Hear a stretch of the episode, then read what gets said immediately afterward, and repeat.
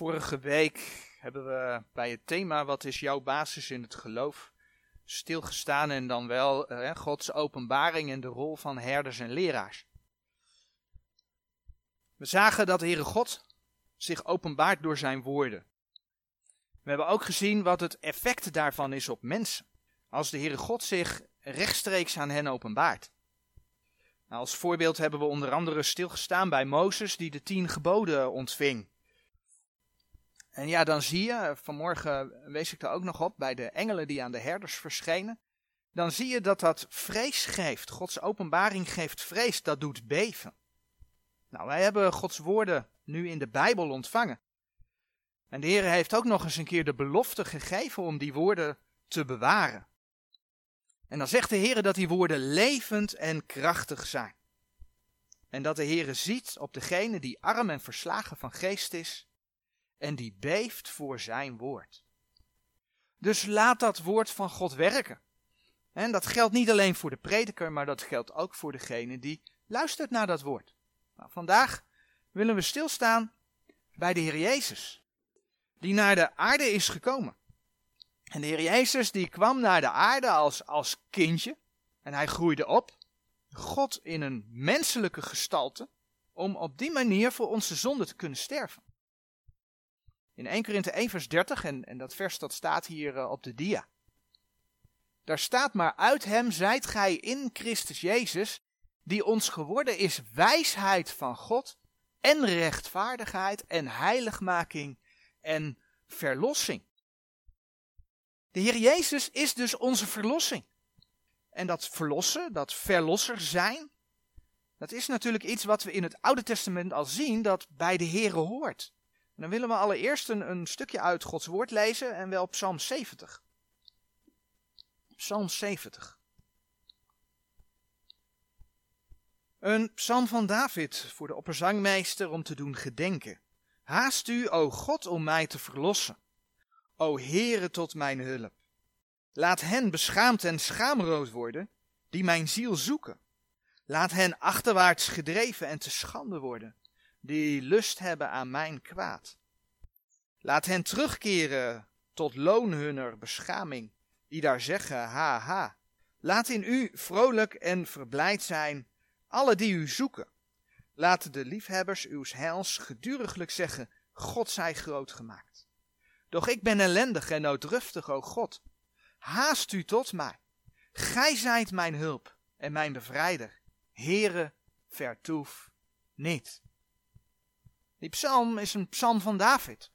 David die de Heere om verlossing bidt van zijn vijanden. Maar zoals we weten, verwijzen die psalmen profetisch heel vaak naar, ja, naar de toekomst. Toen toekomst en zelfs nu nog toekomst.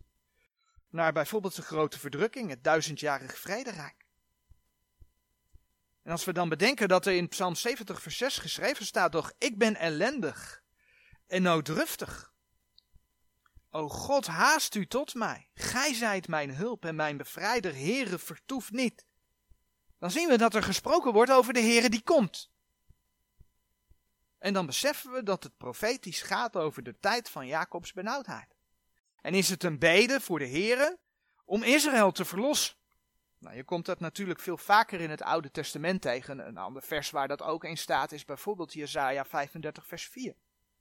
Nou, Israël heeft natuurlijk al eerder verlossing meegemaakt.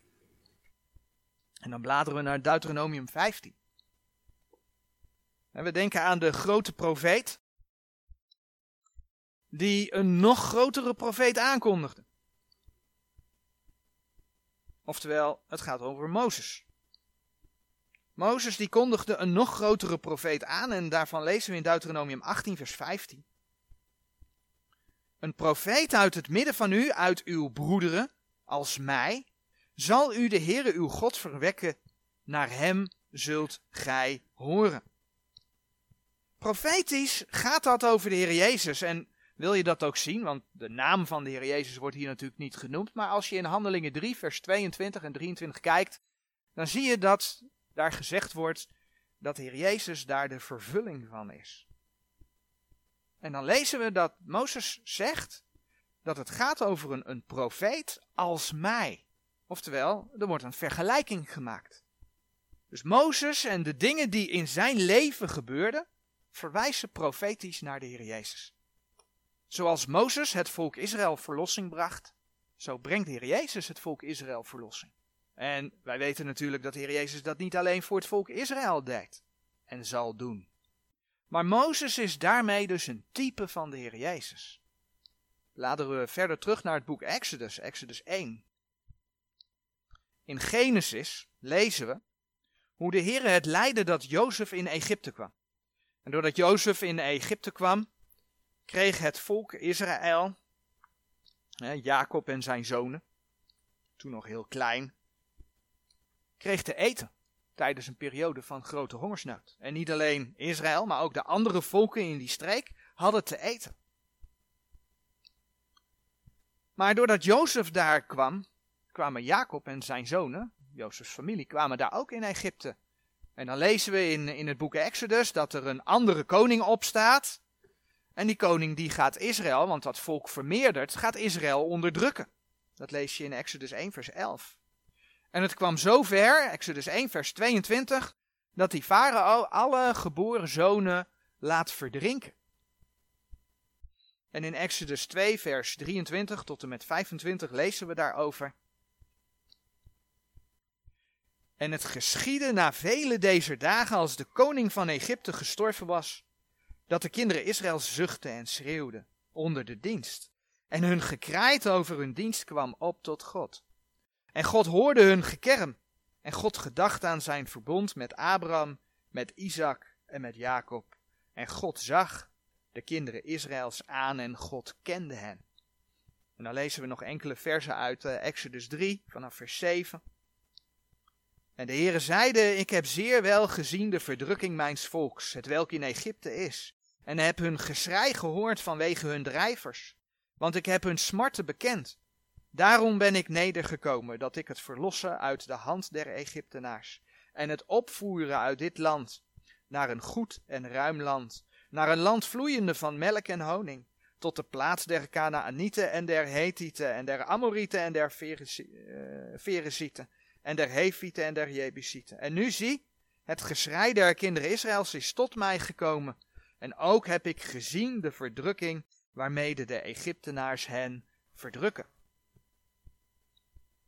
En te midden van dat alles, ja, wordt een jongetje geboren, Mozes. En zoals we zagen in Exodus 1, vers 22, was een onderdeel van die onderdrukking dat, ja, dat kleine jongetjes, dat die gedood werden. En daar zien we dus een overeenkomst met de gebeurtenissen bij de geboorte van de Heer Jezus. Toen hij geboren werd, was het niet anders. Israël was onder Romeinse overheersing. En dat was een harde overheersing. En toen de Heer Jezus geboren was en koning Herodes bezoek kreeg van de wijzen van het oosten, en die hem vertelde dat er een koning der Joden geboren was,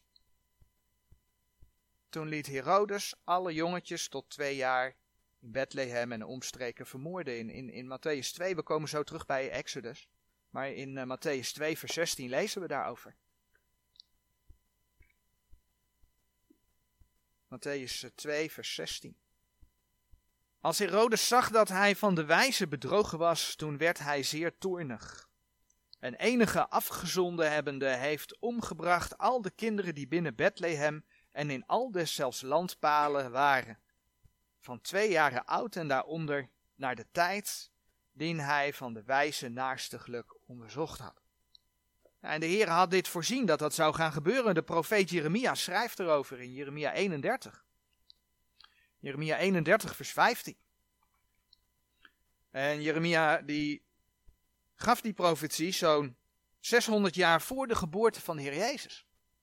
En dan zegt hij in Jeremia 31, vers 15: Zo zegt de Heer: Er is een stem gehoord in Rama, een klagen, een zeer bitter geween. Rachel weent over haar kinderen. Zij weigert zich te laten troosten over haar kinderen, omdat zij niet zijn. Nou, en in, in Matthäus 2, vers 17 en 18 kun je dan lezen dat dat inderdaad daar de vervulling van is. Maar als je naar de context van Jeremia 31, vers 15 gaat kijken, dan gaat het hele hoofdstuk over de tweede komst. En ja, het kan zo zijn, hè, daar hebben we voorbeelden van gezien, dat een enkel vers in de context op een andere bedeling slaat. Maar wat je in de Bijbel ook ziet, is dat, dat sommige teksten soms een dubbele toepassing hebben. En dat het en op de eerste komst betrekking heeft, maar dat het ook op de tweede komst betrekking heeft. En als je Jeremia 31 leest, dan lees je toch echt dat het hoofdstuk over de tweede komst gaat. En ik geloof dus dat dat hier ook het geval is. Net zo goed als we lezen over de kindermoord in Egypte. Als we lezen over de kindermoord bij de geboorte van de Heer Jezus. Waarmee dat vers dus in vervulling is gegaan. Of een voorvervulling is. Laat de Heer zien dat zich in de nabije toekomst, vlak voor de tweede komst van de Heer Jezus, dat dat zich gaat herhalen. En de Heer laat het toe. Maar als je die versen in de Exodus leest, dan weet je dat hij het hoort. En dan weet je dat hij het ziet. En dat hij ondertussen zijn plan van verlossing uitwerkt. En op zijn tijd gaat zijn woord in vervulling. Want ja, in Exodus lazen we dat God hun gekerm en geschrei hoorde. Dat God de verdrukking zag. En dan lezen we dat hij gedacht aan zijn verbond met Abraham, met Isaac en met Jacob. De Heere God is trouw aan zijn belofte. Hij maakt zijn woorden waar. En dat zien we ook in deze geschiedenis. Want te midden van dat alles wordt een jongetje geboren. Mozes. En Mozes, Exodus 2 vers 2, die wordt in eerste instantie verborgen. Maar op een gegeven moment ging dat niet langer. En toen legden ze hem in een biezenkistje. En dat biezenkistje legden ze aan de oever van de rivier. Exodus 2 vers 3. En we kennen de geschiedenis. Uiteindelijk groeide Mozes op als de zoon van de dochter van Farao. Exodus 2 vers 10. En dan gebeurt het op een dag dat Mozes zag dat een Egyptenaar een Hebreeuwse man sloeg. En dan gebeurt het dat Mozes voor zijn volk opkomt en die Egyptenaar doodt. Dat lees je in uh, Exodus 2, vers 12 en 13. Maar vervolgens hebben twee Hebreeuwse mannen ruzie. Ja, en Mozes die zegt daar iets van. En dan blijkt dat ze wisten dat Mozes de Egyptenaar vermoord heeft. En op dat moment wordt het tegen Mozes gebruikt. En toen Farao ervan hoorde, zocht hij gelegenheid om Mozes te doden. En dat is dan de reden voor Mozes om te vluchten naar het land Midian. Exodus 2, vers 14 en 15. In dat land krijgt Mozes een zoon. En de zoon die noemt hij Gersom. En in Exodus 2, vers 22 lezen we waarom hij die zoon Gersom noemt. Want hij zeide, ik ben een vreemdeling geworden in een vreemd land. Maar dat is exact wat de Heer Jezus in de eerste plaats voor zijn volk Israël gedaan heeft. En nee, de Heer Jezus pleegde geen moord. hij vervulde de wet. Hij was zonder zonde. En daarin zien we dus dat type nooit alle details dekken, zeg maar. Dat kan ook niet. Want Mozes was weliswaar een groot profeet, maar Mozes was wel volledig mens. Dus Mozes was ook een zondaar. Dat was de Heer Jezus niet. Hij was zonder zonde. Maar in dat vers, Exodus 2, vers 22, in de betekenis van de naam van Mozes' zoon, zien we wel een heenwijs naar de Heer Jezus. Want hij, de Heer Jezus, werd een vreemdeling in een vreemd land. En een heel mooi schriftgedeelte wat daarover gaat is Filippenzen 2. Daar lezen we enkele versen van. Filippenzen 2, vers 5 tot en met 8. Want dat gevoelen zij nu, het welk ook in Christus Jezus was. Die in de gestaltenis God zijnde geen roof geacht heeft God even gelijk te zijn, maar heeft zichzelf vernietigd, de gestaltenis eens dienstknechts aangenomen hebbende, en is de mensen gelijk geworden. En in gedaante gevonden als een mens heeft hij zichzelf vernederd, gehoorzaam geworden zijnde tot de dood, ja, de dood des kruises. De Heer Jezus was God. Hij woonde in de hemel. Hij was almachtig. Hij was heilig. En noem maar eigenschappen van de Heere God op. Hij was zonder zonde. Hij woonde in een plaats waar geen zonde kon komen. En toch heeft hij als God een menselijke gestalte aangedaan, aangenomen, is naar de aarde gekomen, waar hij zo'n 33 jaar te midden van de zondaren leefde als vreemdeling in een vreemd land. Ja, en dat heeft hij geweten. Een ander detail uit het leven van Mozes is namelijk dat hij niet geliefd was bij zijn eigen volk. Ik bedoel, Mozes had zijn notenbenen geholpen. Hij had een van de onderdrukkers gedood. Exodus 2 vers 12. Maar op het moment dat die twee Hebreeuwse mannen ruzie maakten en Mozes de kwaaddoener daarop aansprak, krijgt hij te horen wat er in vers 14 geschreven staat. Hij, en die hij is dan die kwaaddoener, dan zeide, wie heeft u tot een overste en rechter over ons gezet? Zegt gij dit om mij te doden, gelijk gij de Egyptenaar gedood hebt? Toen vreesde Mozes en zeide, voorwaar deze zaak is bekend geworden. Wie heeft u tot een overste en rechter over ons gezet? Nou, wat je in deze geschiedenis niet direct leest, maar wat in Stefanus' reden wel duidelijk wordt, en daarom bladeren we naar Handelingen 7, is dat Mozes blijkbaar al op de hoogte was van zijn roeping. In Handelingen 7, vers 24 lees je namelijk over die gebeurtenis. Daar lees je over het feit dat Mozes die Egyptenaar versloeg. En dan staat er in vers 25 geschreven: En hij meende dat zijn broeders zouden verstaan dat God door zijn hand hun verlossing geven zou. Maar zij hebben het niet verstaan. Mozes wist van zijn roeping, klaarblijkelijk. En ja, weet je, het volk had het ook kunnen weten. Het volk had het kunnen weten. Want God had namelijk aan Abraham geopenbaard, uh, Genesis uh, eh, 15, vers 13 en 14, daar kun je dat vinden. God had aan Abraham geopenbaard dat ze voor 400 jaar in een ander land zouden leven waar ze onderdrukt zouden worden. Ze hadden kunnen weten, na 400 jaar gaat de verlosser komen. Zie je de verwijzing ook naar de eerste komst van de Heer Jezus op aarde? Dat hadden ze ook kunnen weten, want de profeten schreven over zijn komst. En nu is het weer bekend dat de Messias staat te komen. Kom ik straks nog op. Ze wisten niet de dag, ze wisten niet het uur, maar ze wisten wel dat die, dat die verdrukking zo'n 400 jaar zou duren. Maar ze hadden het niet door. Blijkbaar was het Gods tijd nog niet. Ze accepteerden Mozes niet en hij vluchtte naar een ander land. Zoals de prediker eh, zegt, hè, prediker 3 vers 1, de tekst staat hier op de dia. Alles heeft een bestemde tijd en alle voornemen onder de hemel heeft zijn tijd. Het mooie is dat je, dat je dit door de Bijbel heen ziet terugkomen. Een tekst als uh, Daniel 11 vers 27 laat zien dat ook in de grote verdrukking geldt dat alles een bestemde tijd heeft. God heeft alles een tijd gegeven. Maar Mozes had dus een roeping om het volk Israël te verlossen. En het volk wilde hem niet als overste en rechter. Maar ja, we kennen de Bijbel. Dat verging de Heer Jezus niet anders. Ook van hem kon men weten dat hij de beloofde verlosser was. Dat hij de beloofde Messias was. Er zijn diverse teksten, maar bijvoorbeeld in Jesaja 53 vers 4. Daar lees je wat de Heer Jezus zou doen. Nou, in Matthäus 8 vers 17 staat de vervulling daarvan. Men kon weten dat de Messias er was. Maar men accepteerde hem niet. De profeet Jezaja, Jezaja 53, die zoeken we wel even op. Die kondigden het al aan. Jezaja 53 vers 3. Een profetie die zo'n 710 jaar voor de geboorte van de Heer Jezus gedaan is. Jezaja 53 vers 3. Hij was veracht en de onwaardigste onder de mensen, een man van smarten en verzocht in krankheid. En een iegelijk was als verbergende het aangezicht voor hem. Hij was veracht en wij hebben hem niet geacht. Dat zegt de profeet over de Heer Jezus.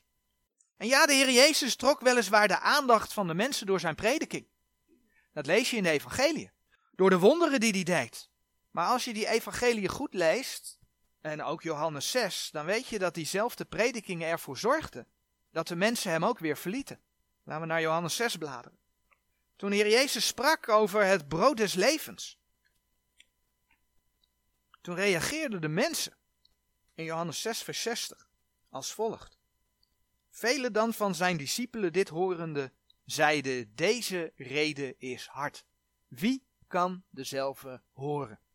En het, uh, dan vraagt de Heer Jezus in vers 61, ergert u lieden dit? En het gevolg, dat lees je in vers 66, is dat de mensen weggaan. En niet zomaar omstanders, ze worden discipelen genoemd.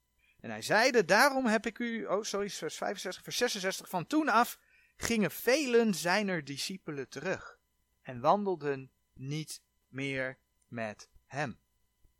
De Jezus was niet geliefd. En dat leidde ertoe dat hij de dood stierf aan het kruis van Golgotha. Want hij, Filippenzen 2 vers 8, is die weg van vernedering gegaan. Tot in de dood van het kruis. En ik noem een aantal versen, ik denk dat we ze wel kennen. Johannes 1 vers 11 zegt, hij is gekomen tot het zijne. En de zijne hebben hem niet aangenomen. En zij hebben om het hardst geroepen wat Johannes 19 vers 15 zegt. Maar zij riepen, neem weg, neem weg, kruis hem. Wij hebben geen koning dan de keizer. En ook hebben ze geroepen wat Matthäus 27 vers 25 zegt. Zijn bloed komen over ons en over onze kinderen. Maar wat de duivel niet wist, is dat het allemaal bij Gods plan hoorde. Allemaal. De Heer Jezus moest sterven voor de zonde van de mensen. En dan komt hij, alleen hij kon dat doen. Omdat hij God geopenbaard in het vlees was. Want doordat hij God geopenbaard was in het vlees, was hij zonder zonde.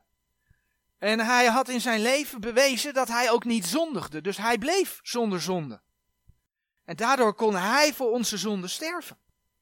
En als de duivel dat geweten had, als de duivel die uitwerking van dat kruis geweten had, dan had hij er niet toe aangezet. En dan belanden we bij 1 Korinthe 2, vers 7 en 8. 1 Korinthe 2, vers 7 en 8. Waar we lezen. Maar wij spreken de wijsheid Gods bestaande in verborgenheid, die bedekt was.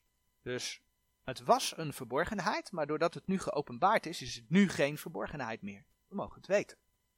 Die bedekt was, dus het is niet meer bedekt. Welke God tevoren verordineerd heeft tot onze heerlijkheid eer de wereld was. Welke niemand van de overste deze wereld gekend heeft. Want indien zij ze gekend hadden, zo zouden zij de Heere der heerlijkheid niet gekruist hebben. Als het bekend was geweest, dan had de Satan de overpriesters en het Joodse volk er niet toe aangezet om de Jezus aan het kruis te hangen. Dat lezen we daar. Maar om zijn plan uit te werken heeft de Heer dus bepaalde dingen verborgen gehouden. Vandaar dat de Bijbel over een verborgenheid spreekt. En dat heeft hij in latere tijden geopenbaard. Nou, we hebben in de serie Wat is jouw basis in het geloof? hebben we een aantal malen stilgestaan bij de versen in Efeze 3, vers 4 en 5. En in die versen hebben we gezien dat de Heer zijn woord openbaarde door de apostelen en de profeten. En we gaan die tekst nu iets ruimer lezen. We lezen er twee versen bij, zeg maar, een vers voor en een vers na. Efeze 3, vers uh, eh, 3 tot en met 6. En dan lezen we in die versen Efeze 3 dat hij mij door openbaring heeft bekendgemaakt deze verborgenheid, gelijk ik met weinige woorden tevoren geschreven heb. Waaraan gij dit lezende kunt bemerken mijn wetenschap in deze verborgenheid van Christus, welke in andere eeuwen de kinderen der mensen niet is bekendgemaakt, gelijk zij nu is geopenbaard aan zijn heilige apostelen en profeten door de geest. Namelijk dat de heidenen zijn mede-erfgenamen en van hetzelfde lichaam en mededeelgenoten zijner belofte in Christus door het evangelie. Dus de heidenen hebben deel gekregen aan de verlossing. Door wat de Heer Jezus gedaan heeft. Nou, ondanks dat het volk Mozes niet zag staan, werd juist hij door God gezonden. Dan komen we weer terug bij Exodus. juist hij was gezonden om het volk uit de onderdrukking te bevrijden. En dan lezen we in Exodus 3, vers 10 hoe de Heer God Mozes die opdracht geeft. Exodus 3, vers 10. Zo kom nu, en ik zal u tot Farao zenden, zegt de Heere, opdat gij mijn volk, de kinderen Israëls, uit Egypte voert. En in Handelingen 7, vers 35 getuigt Stefanus daar dan van.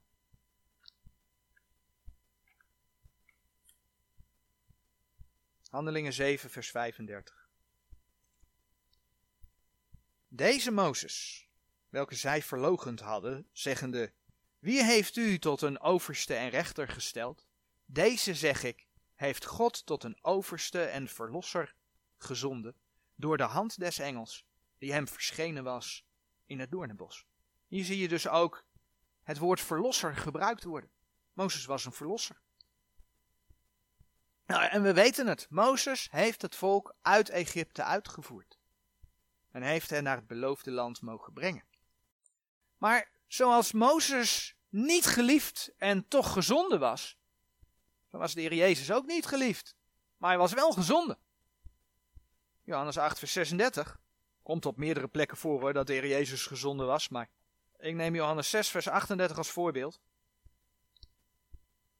Waar de Heer Jezus zegt. Want ik ben uit de hemel nedergedaald, niet opdat ik mijn wil zou doen, maar de wil desgene die mij gezonden heeft. Jezus was gezonden. En hij kwam in eerste instantie voor dat volk Israël. In Johannes 11, een paar bladzijden verder, daar is het notabene de hoge priester die daarover profiteert. Johannes 11, vers 50. Daar zegt de hoge priester, en gij overlegt niet dat het ons nut is dat één mens sterven voor het volk en het gehele volk niet verloren gaat. En dit zeide hij niet uit zichzelf, maar zijn de hoge priester deszelfde jaars profiteerde hij dat Jezus sterven zou voor het volk. En zonder dat ze het zelf doorhadden, hebben ze dat uitgevoerd. Ja, en doordat Israël dat verwierp, is de hel tot de heidenen gekomen. Het hoorde bij Gods plan. De verlossing is voor een ieder die dat voor zijn of haar leven aanneemt. Hè. De teksten in Romeinen 3, vers 23 zijn duidelijk. Ze staan hier op de dia. Want zij hebben alle gezondigd en derven de heerlijkheid Gods. En worden om niet gerechtvaardigd uit zijn genade. Heb je dat woordje weer? Door de verlossing die in Christus Jezus is. Dus de Heer Jezus heeft voor alle mensen die verlossing teweeggebracht. Zijn vergrote bloed geeft vergeving. Colossense 1 vers 14. Colossense 1 vers 14. Zijn vergrote bloed geeft vergeving. Dat is de basis van die verlossing. Maar zoals Mozes en de Heer Jezus bij het Joodse volk niet geliefd waren, zo is de Heer Jezus ook nu onder de heidenen niet geliefd. Ik bedoel, als je in de Bijbel leest, dan lees je over de eindtijd, dat dat eindigt, 2 Thessalonicense 2 vers 3, in afval van het geloof. De gemeentebedeling eindigt met Laodicea, waar de Heere buiten de gemeente staat. Ik sta aan de deur en ik klop, zegt de Heer tegen Laodicea. De eindtijd is een tijd van spotters. 2 Petrus uh, eh, 3, vers 3 en 4. 2 Petrus 3, vers 3 en 4. Dit eerst wetende dat in het laatste der dagen spotters komen zullen, die naar hun eigen begeerlijkheden zullen wandelen. En zeggen, waar is de belofte zijner toekomst? Want van die dag dat de vaders ontslapen zijn, blijven alle dingen al zo gelijk van het begin der schepping. Nou, kijk vandaag de dag om je heen en zie en hoor hoe het gros van de mensen op God en op zijn woord reageert. En dan weet je dat we in die tijd leven. We leven erin. En ondanks dat de mensen hem bespotten, is de Heer Jezus degene die verlossing geeft. Hij is de verlosser. Buiten hem is er geen redding, hè? Johannes 3, vers 36. Je hebt het eeuwige leven als je in de zoon gelooft. Maar als je de zoon ongehoorzaam bent, als je hem niet gelooft, blijft God storen op je. Hij is de weg, de waarheid en het leven. Niemand komt tot de Vader dan door hem. En als we dan naar Israël kijken, dan weten we dat de Heere God hun geschrei en hun gekerm hoorde. Dat hij hun onderdrukking zag. En dat hij een verlosser stuurde. Maar dat geldt ook voor de tweede komst. Israël komt ook dan in grote nood. Zij gaat een verbond met de antichrist aan. Daniel 9 schrijft daarover. Daniel 9 vers 27. Jeruzalem zal opnieuw onder de voet gelopen worden. Zacharia 14, vers 1 en 2. En we hebben vanmorgen gelezen dat er ook bij de tweede komst geen kinderen meer zullen zijn. In ieder geval in dat gebied Rama. Jeremia 31, vers 15. En het lijkt de goddeloze, kijk naar deze tijd, voor de wind te gaan. En dan met name de heersers. De heersers regeren net als Farao met harde hand. Maar God ziet het. En dan bladeren we naar Psalm 94. God ziet het. Psalm 94 is een psalm die gaat over de tweede komst. Als je in Psalm 94 vers 1 kijkt, dan lees je daar, O God der wraken, O Heere God der wraken, verschijn blinkende. Dat gaat gebeuren. Dit gaat over de tweede komst. In Psalm 94 vers 3 en 4, daar lezen we, Hoe lang zullen de goddelozen, o Heere, hoe lang zullen de goddelozen van vreugde opspringen? Uitgieten, hard spreken, alle werkers der ongerechtigheid zich beroemen. En ja, vers 5, men verbrijzelt het volk. Zij verdrukken hen. En weet je, ze denken dat God het niet ziet. Vers 7. Ze denken echt dat God het niet ziet. Maar lees wat er in vers 9 staat. Zou die het oorplant niet horen? Zou die het oog formeert niet aanschouwen? God hoort het. God ziet het. Het overblijfsel uit Israël gaat in de grote verdrukking tot bekering komen. Het gaat tot God roepen. En de Heere zal gerechtigheid doen. En ja, dat gaat veel verder dan alleen de onrechten die het volk Israël is aangedaan. Als je in openbaring 11 vers 18 kijkt, dan zie je dat de Heere zal verderven degene die de aarde verdierven. Openbaring 11 vers 18 is dat. De Heere gaat gerechtigheid doen. Vers 14 en 15 van Psalm 94 zeggen, vers 14 en 15, want de Heere zal zijn volk niet begeven en hij zal zijn erven niet verlaten. Want het oordeel zal wederkeren tot de gerechtigheid. En alle oprechten van hart zullen hetzelfde navolgen. En dan sluit die psalm af met vers 23. En hij zal hun ongerechtigheid op hen doen wederkeren. En hij zal hen in hun boosheid verdelgen. De Heere onze God zal hen verdelgen. Maar dat is de tweede komst. Dat is de tweede komst. Dat gaan wij als gemeente niet meemaken. Wat wij meemaken is een opbouw naar het antichristelijk rijk dat gaat komen. En ja, wat dat betreft weten we gewoon dat zoals het nu is, het gaat niet beter worden, het gaat alleen maar achteruit. En nee, we weten niet de dag en ook niet het uur wanneer de Heer gaat komen. Wel geeft de Heer aanwijzingen, dus de tekenen der tijden, waardoor je mag weten in welke tijd we leven. Zo heeft de Heer Israël, Hosea 6. We komen straks nog weer terug bij, bij Psalm 94 was het. Maar we gaan even naar Hosea. Ezekiel, Daniel, Hosea. Hosea 6. Je mag weten in welke tijd we leven. Tegen Israël zei de Heer, Hosea 6 vers 1. Komt en laat ons wederkeren tot de Heer, want hij heeft verscheurd en hij zal ons genezen. Hij heeft geslagen en hij zal ons verbinden. Dit gaat dus over Israël in de gemeentetijd. Israël is vervolgd omdat zij de Heer losgelaten hadden. Maar God gaat ze genezen. En waarom? Komt en laat ons wederkeren tot de Heer. Israël gaat zich bekeren. En dan lezen we in vers 2: Hij zal ons na twee dagen levend maken. Op de derde dag zal hij ons doen verrijzen. En wij zullen voor zijn aangezicht leven. Dit zijn profetische dagen. En hè, een, een dag is als duizend jaar. Hier staat gewoon 2000 jaar. 2000 jaar dat Israël geslagen is op de derde dag. Het derde duizend jaar duizend jaar van het duizendjarige vrederijk, zal Israël herreizen. Verreizen.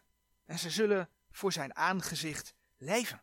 Als we dat gewoon uittellen, dan weten we dat we in die tijd leven. En als we dan zien wat er nu allemaal al gebeurt, dan weten we dat de verlosser staat te komen. Israëls verlossing is nabij. De gemeente. De gemeente heeft de troost dat de Heer haar komt halen zeven jaar eerder. Want hij is haar verlosser. En zij kent hem. En uh, ja, een mooi vers wat, daar, wat daarbij hoort, spreekt ook over verlossing, is 1 Thessalonicense 1 vers 10. 1 Thessalonicense 1 vers 10. Laten we vers 9 erbij lezen. Want zij zelf verkondigen van ons hoedanige ingang wij tot u hebben, en hoe gij tot God bekeerd zijt van de afgoden, om de levende en waarachtige God te dienen en zijn zoon uit de hemelen te verwachten, de welke hij uit de doden verwekt heeft, namelijk Jezus, die ons verlost van de toekomende toren. Ja, en dat dat nabij is, dat blijkt uit de tekenen der tijden. En ik wil één voorbeeld noemen, en hier zie je een, uh, een screenshot van een video waar ik zo een, een kleine samenvatting uit laat zien. Exposing Vaccine Passports. Het uh, aan de kaak stellen van vaccinatie paspoorten.